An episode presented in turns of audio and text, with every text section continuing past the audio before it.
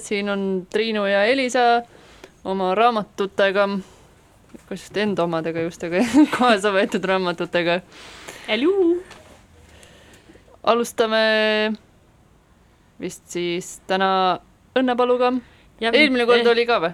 Eh, ma arvan küll, et eelmine kord tuli esimene osa, et eh, Tõnu Õnnepanul on ja. siis triloogia välja tulemas, mille ühine nimetaja on Mujal kodus ja täna jõudis meie juurde selle teine osa, millest Triinu kohe lähemalt räägib. ja kuna see raamat on äh, nii värske, siis me pole jõudnud seda veel äh, ise läbi lugeda. natukene oleme jõudnud äh, tutvuda sellega, aga tundub, et on hea nagu ikka. aga me saame võtta niimoodi otse-eetris teha väikse sissevaate ja siis mõelda, et kas tasub edasi lugeda või mitte. aga kõigepealt äh, ma loeksin siit raamatu tagant ette selle minitutvustuse. nii, mujal kodus Odüsseia jätkub Kanadas Muskoka metsade keskel, kuhu kord Eestist ja siis veel ka Euroopast põgenenud inimesed rajasid oma pisikese riigi, mida nad kutsuvad Kotkajärveks. see pidi neil aitama meenutada kadunud kodu, aga sai lõpuks ise koduks. koduks mujal, koduks ekskiilis, uueks kodumaaks. sest seda vana, kust kord mindi, pole õietu ju enam kuskil. minevikku tagasi ei pääse ja kas tasubki tahtagi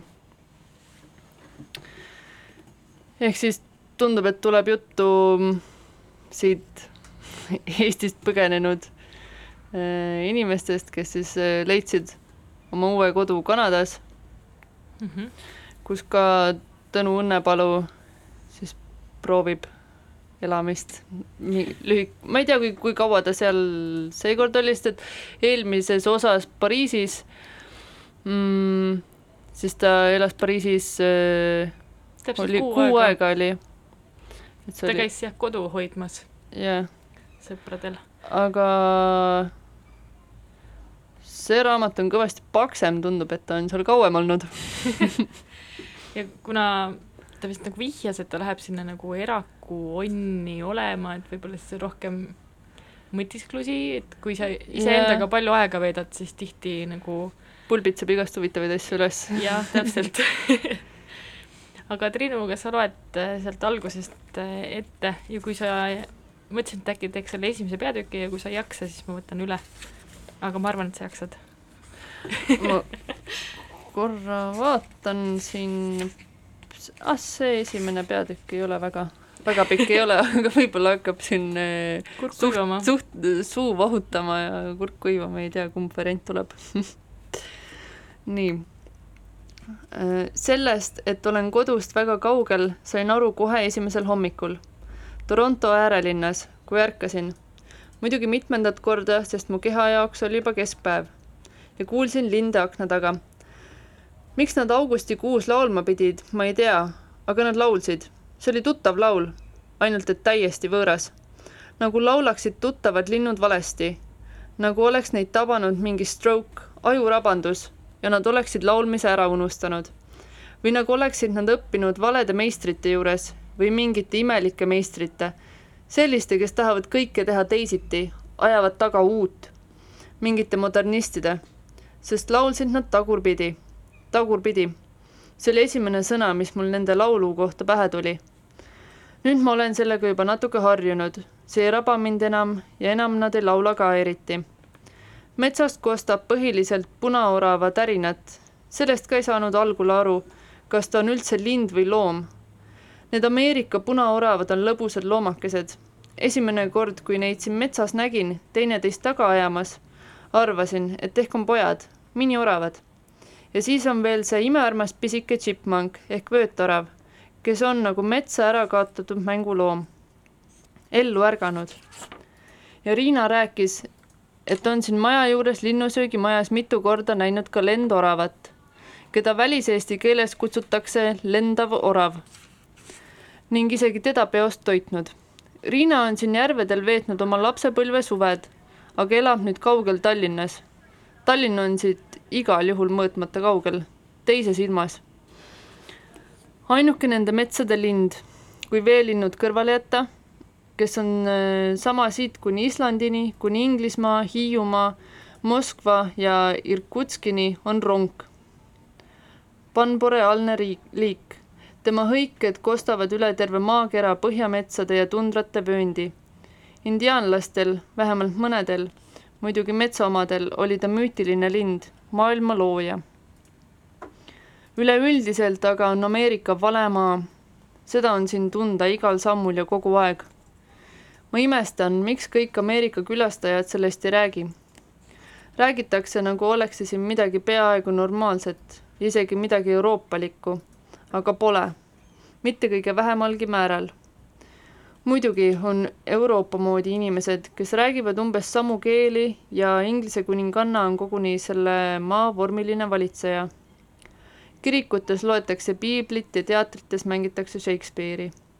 aga see kõik on võlts, sama võlts ja kohatu kui Välis-Eesti rahvatants ja nende Juhan Liivi deklamatsioonid.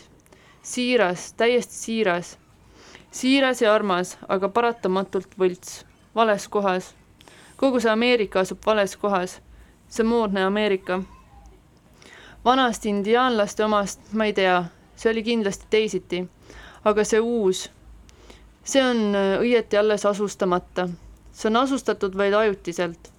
mitte asustatud, vaid asundatud suured koledad linnad, suured koledad kiirteed ja ostukeskused nende ääres.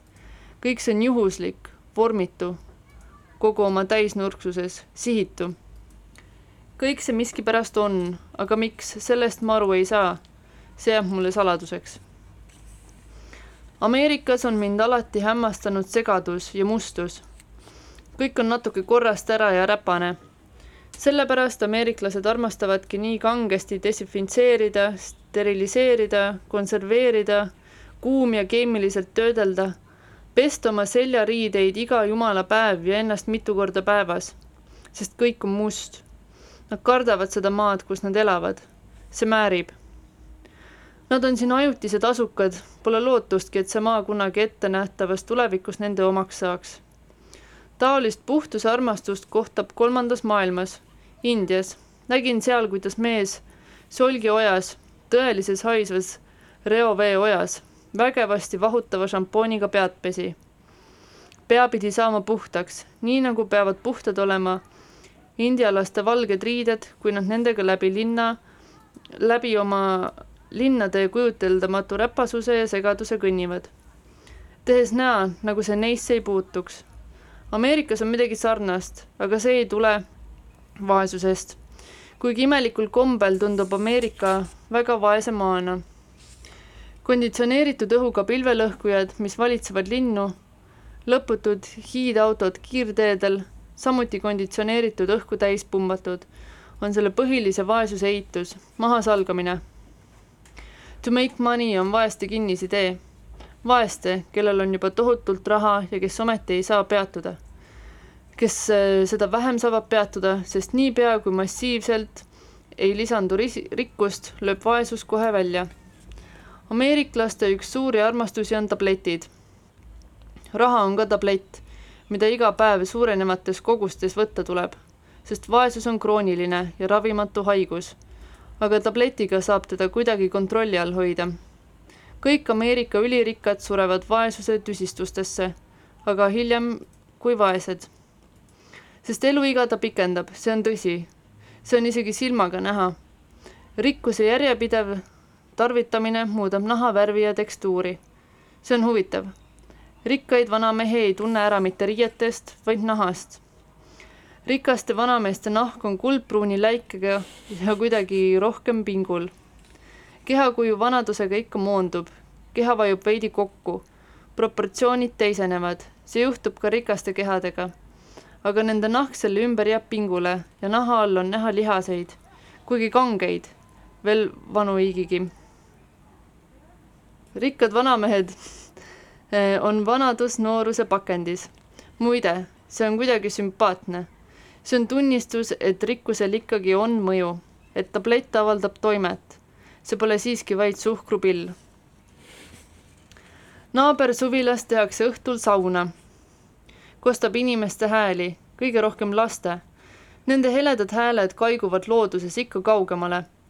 lapsed kisavad alati inglise keeles, aga isa toob vahel kuuldavale ka mõne väliseestikeelse laul, lause kui väliseestlased oleksid moodustanud kuskil nii suure kogukonna nagu Kuubeki prantslased, räägiksid nad ka varsti omaette keelt, mis oleks küll nagu eesti keel, aga kui väliseestlane tuleks Eestisse ja läheks poodi ja küsiks midagi väliseesti keeles, siis võiks juhtuda, et müüja vabandaks.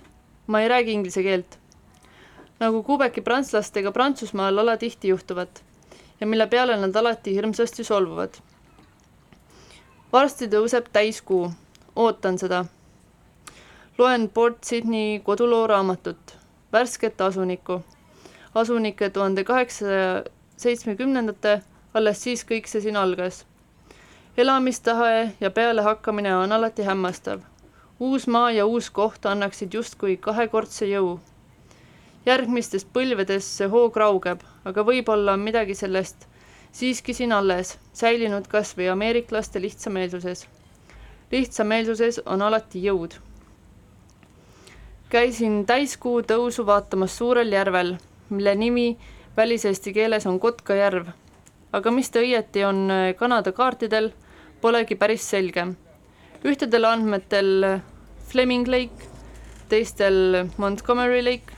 Tundub, et kanadalasi väga tõsiselt nende uue maa topograafia ei huvita. täiskuu tõusis sellest nimetust järvest punakana ja hakkas ennast järves peegeldama. öö on siin täis võõraid sirinaid ja astumisi. sirinad kuuluvad ritsikatele ja need sirinad on ühtlased ja mahedad.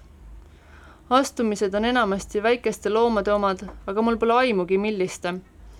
kord kostis ka üks vägev sumatus kusagilt järve tagant võib-olla mõnest kopratiigist ja võib-olla see oligi kobras või hirv või põder. veidi kõhe on võõras metsas pimedas käia, aga kui kuu tõusis, oli juba vähem kõhe. kuu oleks nagu seltsiks ja teekaaslaseks. selline oli esimene peatükk, päris vahutama võttis just mõtlesin, et see ikka, ikkagi ikka võttis aega. aga tundub, et see, see osa on siis kriitilisem kui noh, Pariisi oma oli ka kriitiline, aga ta oli kuidagi sellise armastuse ja vihkamise vahekorra kriitiline, et ta rohkem nagu oli kriitiline selles osas, et mida ta ise tunneb selle linna vastu ja mida see linn paneb tema, teda tundma. ja ma arvan, et seal ähm, oli ka rohkem tähelepanekuid äh, sellest, mis tema enda ümber konkreetselt selles hetkes toimus mm. -hmm. et siin ta võib-olla hakkab tõesti rohkem lahkama siis mingeid kultuuride erinevusi ja mm. -hmm. ja mul tuli sel ajal, kui sa lugesid meelde, et mälu on selline imeline asi, et mingid äh, sellised nupud on, mis panevad tööle, et seal Kotkajärve ääres toimub väliseestlaste metsaülikool e, iga aasta mm suvel ja ma vaatasin kiiresti järgi, et no selle eesmärk on siis äh, Eesti, Eesti ja eestlusega seotud nagu valdkondade teadmiste laiendamine ja siis väliseestlased tahavad suhelda siis eesti keeles, nii et see on kuidagi nagu pooleldi ka selline keeleõppeline mm. -hmm. ja see aasta on see kolmas kuni kümnes august ja esinevad näiteks Eero Epner, Sirje Kiin, eh, Juku Kold, Toomas Eichenbaum ja siin on veel palju teisi. väga nagu põnev joo mul tuli meelde lihtsalt, et ma üks aasta kuidagi sattusin selle peale ja ma üldse ei pannud kokku, et oo oh,, Kotkajärve, et oh, väga ägedad nimed ja et võiks minna ja siis vaatasin, see on Kanadas selline, et vist jääb mitte veits... nii eksprompt. jah, jääb natuke kaugeks. jaa. kas me tahame mm. õnnepalust veel rääkida või teeme ühe vahepalast, ega me seda liiga palju ei tunne, seda raamatut veel? veel mitte aga on... algus oli paljulubav. mina ja. selle põhjalt tahaksin seda lugeda. ja ma võtan äh, kindlasti täna hakkan seda siit äh, teisest peatükist edasi lugema esimesega said ühele poole. jaa, see on veider ka, kuidas ähm, ette lugedes on äh, kõik käib kuidagi nii aeglaselt noh mm -hmm., kui ei pea neid sõnu välja ütlema, siis ikka silmad liiguvad nii palju kiiremini ja siis, kui hakkad kõiki neid asju hääldama, siis tekib niisugune mingi konflikt, et silmad jooksevad eest ära, aga suu ei jõua järgi sellele kõigele. Ma ei ole sellele mõelnud, aga võib-olla. ma pean, kui me midagi järgmist siin ette võtame, siis ma saan kommenteerida. Tundub selline võõras tunne hetkel. Aga samas see ei, see ettelugemisega, see sunnib ka nagu kuidagi veel rohkem hetkes olema. jaa, kindlasti, et äh, see lugemine üldiselt on suhteliselt mm -hmm. privaatne tegevus, aga samas äh, on eraldi ju valdkond ajaloos, on raamatu ajalugu, mis tegelebki lugemise ja raamatute trükkimise ajalooga Mhm. ja siis eh, tegelikult on see nagu omaette privaatne lugemine suhteliselt uus nähtus et varem oligi see ikkagi ettelugemine näiteks see, mida peetakse siis maailma vanimaks romaaniks, Genji Monogatari, prints Genji lugu, siis seda kirjutati peatükk haaval, kui uus peatükk oli valmis, siis eh, see kanti ette õukonnas. jah, et keegi seda eraldi niimoodi üksinda ei lugenudki. ja vanasti ei olnud ka võimalus eh, kõigil üksinda ju raamatut lugeda, sest et neid mm -hmm. ei Mhm. olnud, eriti kui veel seda äh, trükikunsti veel või noh, tehnikaid veel ei, ei olnud, siis oligi üks eksemplar ja siis mm. -hmm. kõik koos või noh, Üks luges luges ja kõik- jah, kõik kuulasid enamasti. mis tuletab äh, veel ühe seiga meelde ma lugesin äh, ühte äh, ajaloolist romaani, et ta on nagu poolelt, ta on päriselt sündinud lugu, millele on siis nagu omalt poolt lisandusi tehtud. Tallinna Ülikooli äh, kirjastuselt ilmunud äh, Ajalugu voolab, ma ei mäleta hetkel autorit. Ja see lugu oli hästi võimas. Ja mõtlesin oma peas, et noh, et kas midagi jäi minu jaoks puudu või kuidas, kuidas mi- mingid nagu hetked, mis olid äh, ajaloolised faktid, kuidas nad olid lahendatud, jätsid minu jaoks nagu vajaka sellest, hmm. ma ei tea, sellest nagu suurepärasest romaanist või kuidas ma seda ütlen. ja selle raamatu lõpus oli päris mahukas äh, järelsõna, kus tuli välja, et see autor kirjutas seda raamatut öösiti pärast seda, kui kõik nende inim-, kõik perekonna inimesed, kes elasid ühes toas, olid magama läinud, nii et toetas oma kätt seina peale ja kirjutas, mõtlesin, et ei, selles raamatus küll midagi puudu ei tulnud. ta kuidagi nii, nii võimas. Sest rääkides raamatute ajaloost. see on super. tõesti ei tule selle autori nimi meelde, pärast lugu vaatan järgi. Aga siis paneme on järgmise loo peale. jaa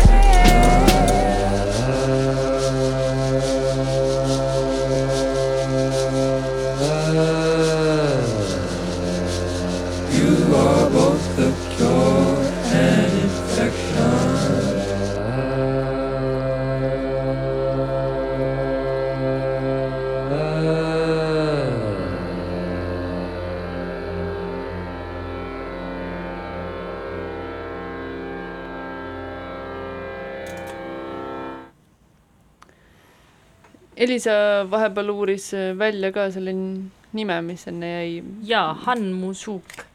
et mul enam-vähem oli meeles, aga Han vot sealt eest jäi küll puudu nii et, et oleks korrektne vastus aga nüüd äh, võib-olla isegi ideaalne soovitus äh, suviseks lugemiseks. ja ka hea uudis äh, kõigile, kes on äh, käinud taga otsimas kõndimise filosoofia raamatut, millele endiselt ei ole uut trükki ei tehtud ega planeeritud, aga Postimehe kirjastuse alt tuli välja Erling Kage uus raamat Kõnni, üks samm korraga. ja tundub, et efekt on äh, üsna sarnane siis kõndimise filosoofiaga, et äh, loed, loed raamatut ja tekib tunne, et tahaks lihtsalt ära kõndida. kohe on vaja hakata kõndima. Erling Kage on siis, ta on siis suur matkaja ise mm ja -hmm. ekspeditsioonidel käija. ja kunstikoguja ja kirjanik, ja et äh, eelmine raamat, mis ta kirjutas või noh, mis eesti keelde tõlgiti, oli mm. -hmm. Vaikus müraajastul, mm -hmm. mis on ka siis tema jalutuskäikudest inspireeritud, et kui ta üksinda kõnnib, et siis äh, kuidas see tänapäevasele inimesele, kelle ümber on nii palju müra, et kuidas see vaikus mõjub, aga nüüd on siis puhtalt äh, kõndimisest kirjutanud. mm. -hmm. et äh, kuna ma nüüd äh, saatsin oma selle sessi viimase essee ära, siis ma võin öelda, et kõndimine mõjub väga hästi õppimisele. et kui ikkagi tekkis selline tunne, et no mis asja, et nagu ühtegi head mõtet enam ei tule, ma ei tea, kas need mõtted, mis hiljem tulid, ka nii väga head olid, aga nad tulid vähemalt. jah, tühjaks äh, ei jäänud.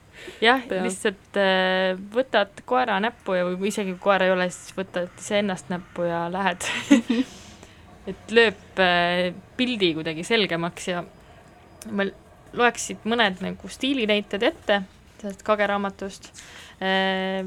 ma ise valisin paar tükki välja, ma ei tea, kas ma kõigini jõuan, aga siis äh, Triinu soovitas äh, veel ühte, ühte kohta see üks koht nüüd tuleb nii. tänapäeval uuritakse kogu maailmas, kuidas kõndimine loovust mõjutab või teiste sõnadega, kuidas su jalad mõjutavad aju ja mitte vastupidi. Stanfordi ülikoolis tehti uurimuse põhjal kasva, tehtud uurimuse põhjal kasvas loovus inimesel, kes kõndis kuuest kuni viieteistkümnest, viieteistkümne minutini. ma üldse ei oska lugeda täna. nii kuni kuuskümmend protsenti võrreldes nendega, kes sama aja istudes veetsid. uurimuse kaks eestvedajat, Mary-Lee Opeso ja Daniel Schwartz, tulid oma teadustöö ideele väljas kõndides.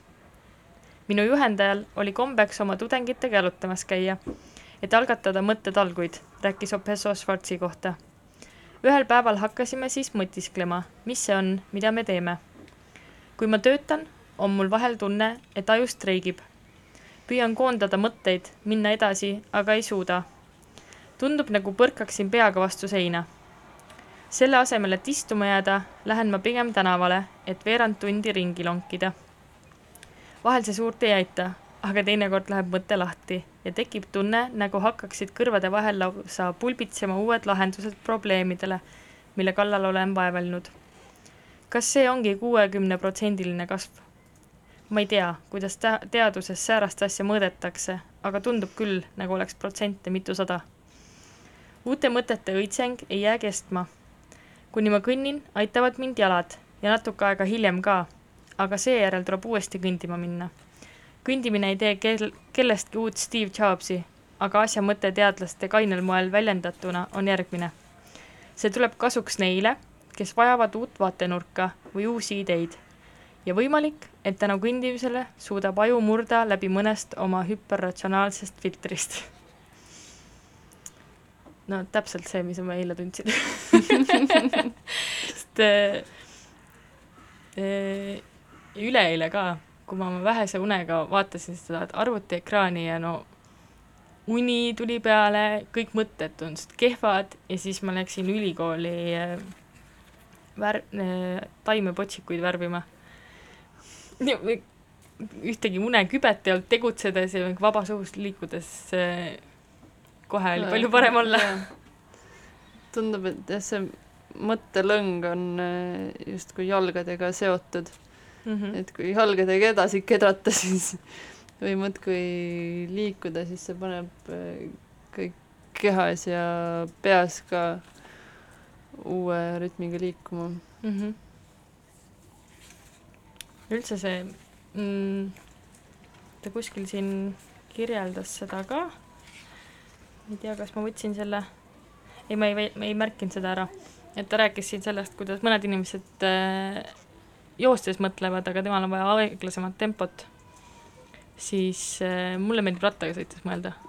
no see on sama, et see on mingisugune liikuv äh, olemine, töö tegemine Mm -hmm. ja kuidagi paneb teistmoodi nägema ja, ja mõistus on hästi ärkvel kogu aeg. jaa, mina joostes väga hästi ei saa mõelda, sest võib-olla ka see tempo hakkab dikteerima siis ma kogu aeg äh, sihuke põmm-põmm-põmm-põmm see hakkab hästi korduvaks muutub kõik ja Mm -hmm. ma jään nagu ühte mingisse tsüklisse kinni justkui. jah, kõndimisega tuleb mul paremini mõtlemine välja. nii, aga ma loen selle ühe osa veel ette, mis ma siit enne välja valisin.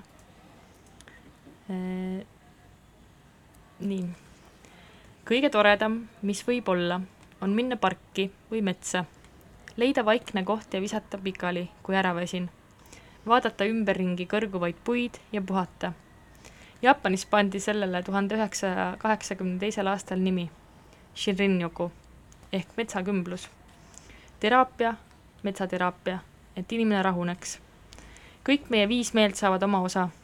linnulaulu kõla, puhta õhu lõhn, lehtede rohelus, puude, taimede, sambla ja rohu füüsiline lähedus ning marjade ja seente maitse. Shiba ülikooli teadlased on viimastel aastatel uurinud selle füüsilist ja psüühilist mõju. tulemused on mõistagi näidanud, et metsakümblus tekitab heaolu ning alandab stressi ja vererõhku me oleme loodud kuulama looduslikku keskkonda, järeldas teadlane Yoshifumi Miyazaki. oma üllatuseks avastasid teadlased ka seda, et puude seltsis veedetud aeg võib tugevdada immuunsüsteemi, parandada seedimist, alandada kolesterooli taset ja toimida ennetava ravimina. mõned puud ja taimed eritavad kaitseks bakterite ja putukate eest fütonsiide, antimikroopseid eeterlikke õlisid. kui me viibime puude lähedal, saame ka meie osa neist ainetest ja nende toimest. Neile uurimustele toetudes on Jaapanis rajatud terve rida niinimetatud teraapiaradu ja paljud on kavandamisel. Henry David Thoreau äh,, Thor-, jah, soovitas Shinrin-Rokut saja viie, sada viiskümmend üks aastat enne selle väljendi sündi oma raamatus Jalutuskäik. mulle tundub, et ma ei suudaks hoida oma keha ja vaimu tervena, kui ma ei veedaks vähemalt nelja tundi päevas ja tavaliselt rohkemgi, lonkides mööda metsi ning üle kingaste ja väljade, täiesti vabana kõigist maistest kohustustest. Lisaks väitis ta, et ta on armunud ühte tamme. hea valik, kui juba puud valida. lõpuks kostis magusat muusikat, ma armusin madalasse tamme. Toro oli oma mõtetest nii kaasa kistud, et jagas lõpetuseks neile, kes ei jaluta nagu tema, natuke tunnustust, et nad ei ole juba et nad ei ole kõik juba ammu kollektiivset enesetappu teinud. ma hindan väga puude läheduses viibimist. seesama rahu, mida tajun metsas, saabub siis, kui heidan pikali mere äärde rannakaljule, parki või pehmele samblale ülalpool puudevööndi piiri. kui ma seal pikutan, pärast seda, kui olen sinna jalgsi läinud, olen veendunud, et parimad asjad elus on tasuta. see on väga hea eh, pärast selle Õnnepalu peatüki ettelugemist, mulle tundub. et see, kuidas puud sind ravivad äh, Õnnepalu selle tablettide jah, asemel ja, ja see liikumine kui meditatsioon või? see on nii tervendav ja arvatakse, et miks inimesest üldse sai tark inimene siis, on sellepärast, et me kõndisime nii palju. ja see pani meie aju teistmoodi tööle Hmm. Ma ei ole selle teo-, teooriaga olen- tuttav. täna ma sattusin teist korda selle otsa, mit-, juhuslikult. ma ei mäleta enam, kus raamatust ma esimest korda seda lugesin ja siis ma mingi, aa, huvitav mõte, aga nüüd täna tuli see uuesti minuni kuidagi. ja siis äh, tean seda veel, et äh, Islandil kirjutavad äh, arstid välja äh, tablettide asemel just nimelt jalutuskäike. Ja meil on Eestis sellega vedanud, et äh, metsa veel on jah, ja aga suhteliselt lihtsalt, noh, kuna Tallinn on nii väike, siis äh, sul läheb maksimaalselt pool tundi, et kuhugile, ei lähe nii kaua ka. ei kuhugi- lähe ei nii kaua, linna sees on ka ikka linna võimalik. sees on ka, jah, mõtlesin just, et metsa saada Mm -hmm. või jõuda. et meil on väga lihtne jaa, teha. Ja ma pean ütlema, et minul on ka oma tamm, mis on mul eh, kodu eh,, mul on noh, selles suhtes on vedanud, et mu kodu asub ühelt poolt eh, suhteliselt metsa lähe- lähedal ja selle kõrval on siis see hoolitsetud mõisapark ja siis see natuke mahajäetud mõisapark. et minu, minu po-, maja pool on siis see mahajäetud mõisapargi osa ja seal on üks suurepärane tamm, mis on juba poolenisti ära kuivanud, aga ta on nagu selline nagu kroon seal keset seda parki kõrgub, täiesti super ja ma käin teda vaatamas. Otto on seal akna taga, tšau Otto. ja, ja siis on üks teine tamm ka veel seal, mis, mis kõrgub kuidagi nii, tema ei ole veel kuivanud kõrgub kuidagi niimoodi üle jalgraja, nagu kui sa sealt alt läbi lähed, sa siseneksid nagu teise kohta. Ta on nagu Portaal, portaal, jah. ja ma ise kujutan ette, et see on portaal ja see oli juba esimesel jalutuskäigul seal, kui me alles tutvumas käisime selle kohaga, Mhm. siis äh, eks see park oli üks, üks põhjustest, miks me sinna kolisime. viimasel ajal on äh, hästi palju hakatud rääkima sellest, kuidas looduses äh, olemine parandab meie vaimset tervist ja aitab äh, depressiooni siis levenemisele kaasa. aga miskipärast on mingi väga suur koolkond inimesi, kes arvab, et ainult äh, keemiatabletid aitavad, et kui see ei tule pakendis äh, apteegist, siis äh, on jama mm, -hmm. mingisugune hipide pläma. seal on võib-olla see, et äh, ei tegeleta mitte selle põhjusega, vaid ainult selle tagajärjega. Et miks sul, miks sul ikkagi noh, selles suhtes, et on mm -hmm. jah, ta on nagu ikkagi haigus ja ta ei ole alati ainult ärakõnnitav, muidugi mitte jah, jah, aga seal on mm. -hmm. seal on ikkagi päris suur äh, hulk inimesi, kellel tegelikult sellest piisab. ja ma olen Jah. enda sõprade hulgas seda ka näinud täiesti toimivana. mul oli sõbranna, kes täiesti en-, ta mõtles, et ta võtab nagu mingi aja ja proovib mm, -hmm. Muutis oma toitumist, muutis oma liikumisharjumusi ja tablette lõpuks ei võtnudki. et tal on oluliselt parem mis on täiesti suurepärane yeah. Ja ta ise sai aru, et et see on nüüd nagu see lõpp-punkt tema jaoks, mis mm. -hmm. pean üle kordama, ei sobi kõigile, aga kui sobib, siis see on super. ja no enamusel meist on nii istuvad tööd ja elud, et äh, on vaja lihtsalt liikuda. kas me teeme Mm. ühe laulupausi veel? ikka ja laseme muusikat ka. jaa, minu viimase aja üks eh, noh, kinnisidee või no kuidas öelda, ütled laulu kohta, see ei ole mu kinnisidee, vaid sul on äh, mul on sõltuvus sellest Jah. loost. aga mulle tundub, et eh, Bon Iver hakkab siin eh, tasapisi uut eh, plaati küpsetama ja siis ta saadab selliseid diisereid välja. üks neist mulle nii väga ei meeldinud, aga see konkreetne lugu on täiesti super, ma panen selle mängima.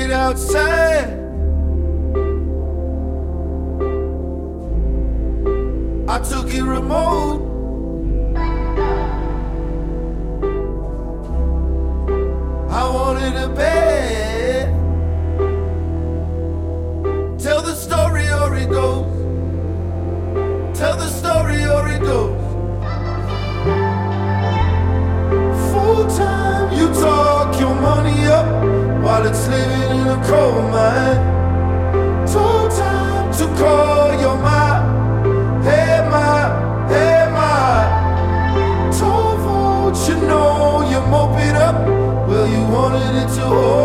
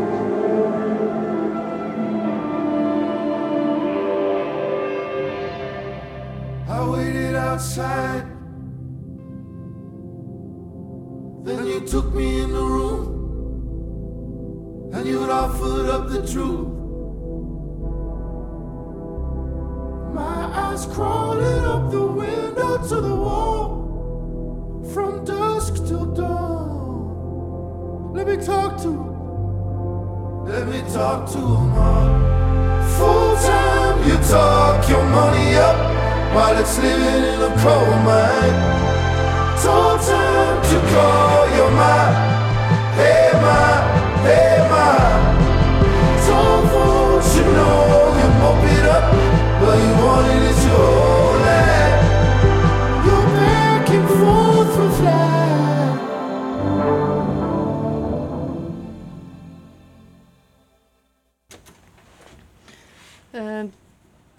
räägime suvistest lugemistest ka või nagu laiemalt mõtlesin, et ähm, et inimesed tulevad meile tihti poodi ja siis uurivad ka, et oo, et kas teil oleks midagi suveks lugeda, midagi head siis et- äh, nüüd jooksis see mõte kokku.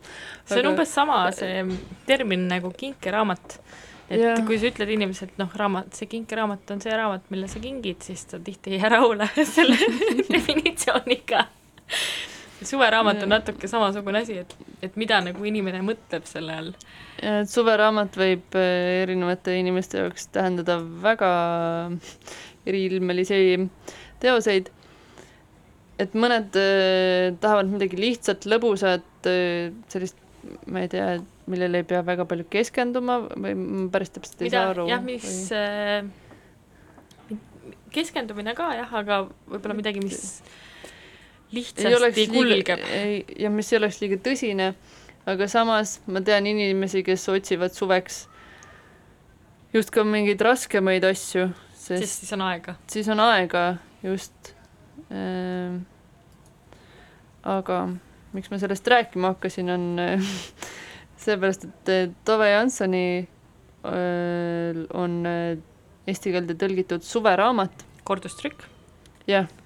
Aga see tuli esmakordselt välja kaks tuhat kümme, nii et noh, üheksa aastat hiljem, juba et on päris jupp aega möödas. nii et ei ole ainult muumidest kirjutanud. Tal on ka siis tegelikult lausa kümme täiskasvanutele mõeldud romaani, pean tunnistama, pole ühtegi lugenud. minu arust Muumid ka on nii ja naa laps, lastele nojah, no põhisuunitlus on lastele, aga ta on kirjutatud nii, et ka täiskasvanutel oleks seal öö, kõrval hea. ja ma lihtsalt tuli meelde, et päris nagu mitu Muumi fänni on mulle öelnud, et et nad lapsena kartsid Muumisid, aga nüüd siis kuskil ütleme vanuses kakskümmend kuni kolmkümmend on nad avastanud taas Muumid ja selle maailma ja nüüd see kõnetab kuidagi rohkem ja see ei ole võib-olla nii hirmus enam. mul ei olnud muumid hirmsad, pigem nüüd ma saan nendest karakteritest paremini aru ja see, et äh, väiksena olid kõik siuksed toredad tegelased justkui, kes äh, lihtsalt äh, olid selles loos. Aga nüüd ma saan aru, kuidas on äh, väga täpselt inimtüpaažid seal või Mhm. tüübid on äh, nendes karakterites sees, et kes on siuksed äh, äh, pahurad ja kes on äh, väga elujaatavad, kes mõtisklejad ja noh, ühesõnaga kogu krempel on seal jah on koos. olemas jah. aga mm, see suveraamat on ähm, siis äh, ähm, kirjutatud Tove Jansoni suvistest äh, sa-, sa-, Soome saare peal äh, äh, elatud ajast ja seal olemisest ta on ikkagi nagu ilukirjanduslikus võtmes, jaa, aga ta on ähm, noh, siin on kirjas, et jah, et ta on pannud äh, siia päris palju oma isiklikke kogemusi sisse. mm. -hmm. Aga jutt ise on äh, elatanud kunstnikust ja tema kuueaastasest äh, lapselapsest, kes suvitavad siis Soome lahe saarel ja kuidas nad seal äh, kohanevad teineteise hirmude, tujude ja iseseisvuspuhangutega.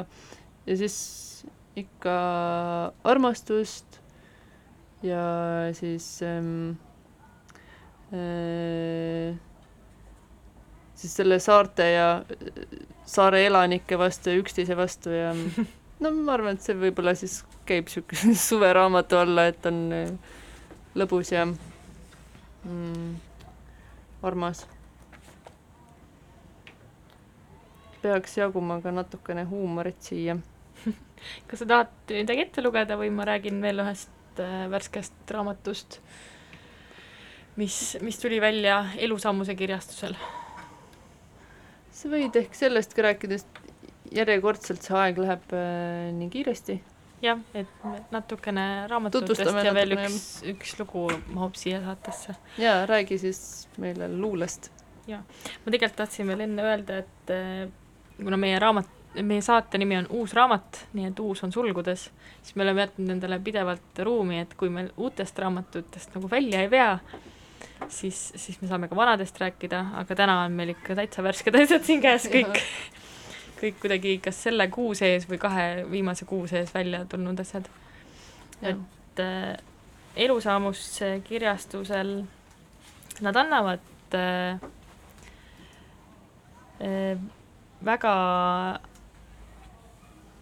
kuidas järjepidevalt äh, väga häid asju välja. pisikene kirjastus toimetab Tartus enamast, enamus ajast, et äh, noh, peakontor on neil ta-, Tartus ja meie juures oli viimati näiteks Anna-Kristiina Pae luulekogu esitlus, mis oli äärmiselt äh, soe ja mõnus ja see luulekogu on ka suurepärane, Lindudeta kevad. aga täna on mu käes hoopis Timo Marani Metsloomad ruudus. Timo Maran on siis bakalaureuse, bakalaureuse kraadi tegi zooloogias ja edasi magistri ja, ja doktori tegi semiootikas üldse, aga looduse teemad jäid talle endiselt sisse, ma tegelikult jätsin endale lahti ka, et ette lugeda, et tema ma, doktoritöö oli näiteks mimikri kui kommunikatsiooni semiootiline fenomen ja maka oli bioloogiliste mimikrinähtuste semiootika, ehk siis ega ta loodusest ära ei läinud kuhugi. ja mida nüüd nagu raadiost suurepäraselt kujundatud, mis on järgmine asi, mis elusaamusel järjepidevalt äh, Neil on väga hästi tehtud ja, ja, ja seekord on kujunduse teinud Nestor Ljutjuk, kes, kui ma ei eksi, to-, toimetab Ungari Kultuurikeskuses, mis on vanalinnas. Me Triinuga käisime kunagi seal seemnepaberite järgi, kas mäletad? jah, seal oli ühe kooli kalligraafiatund, mis on tõesti vapustav äh, pilt, kus kuskil kümmekond väikest last istus äh, sulgedega paberite taga ja proovis kalligraafias kirjutada nii lõbus. see oli tore jah. Nestor toimetab seal ja tema kujundatud täiesti super, et kui äh, kui on meeles, siis tulge vaatama, küsige, mis, mis raamat see oli, millest rääkisite ja me näitame aga kuna meil temaatiliselt on loodus olnud täna, siis ma loeks äh, ette paar, paar luuletust, mis mulle siin näppu jäid. kui tugev on see seos, mis köidab rändlindu õige lennusuunaga ja metslooma tema salaradadega? Mis jõud suunab metsmesilase lendama pesaava poole vanas palkseinas ja paneb päevalille õie pöörduma päikese poole? mis lõim on see nähtamatu, mis seob inimest tema loomusega, sind minuga, meid mõlemaid nende metsade rabadega? kas see püsib või ei? ma loen ühe veel mm,.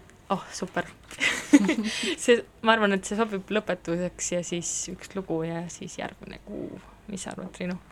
mulle sobib väga hästi. anda hääl loomadele, kes elavad oma elu sõnadeta. anda hääl jõele, mis ei räägi, kuidas ta voolab ja voolata tahab. ämblikud aknalaual, kask õues, vihm, tuhat vaikijat. pilvede vahel on näha suur vanker, Kassiopeia. kuulata ja püüda aru saada. koer, kes naerab sulle sõnatult vastu ja annab vaikuse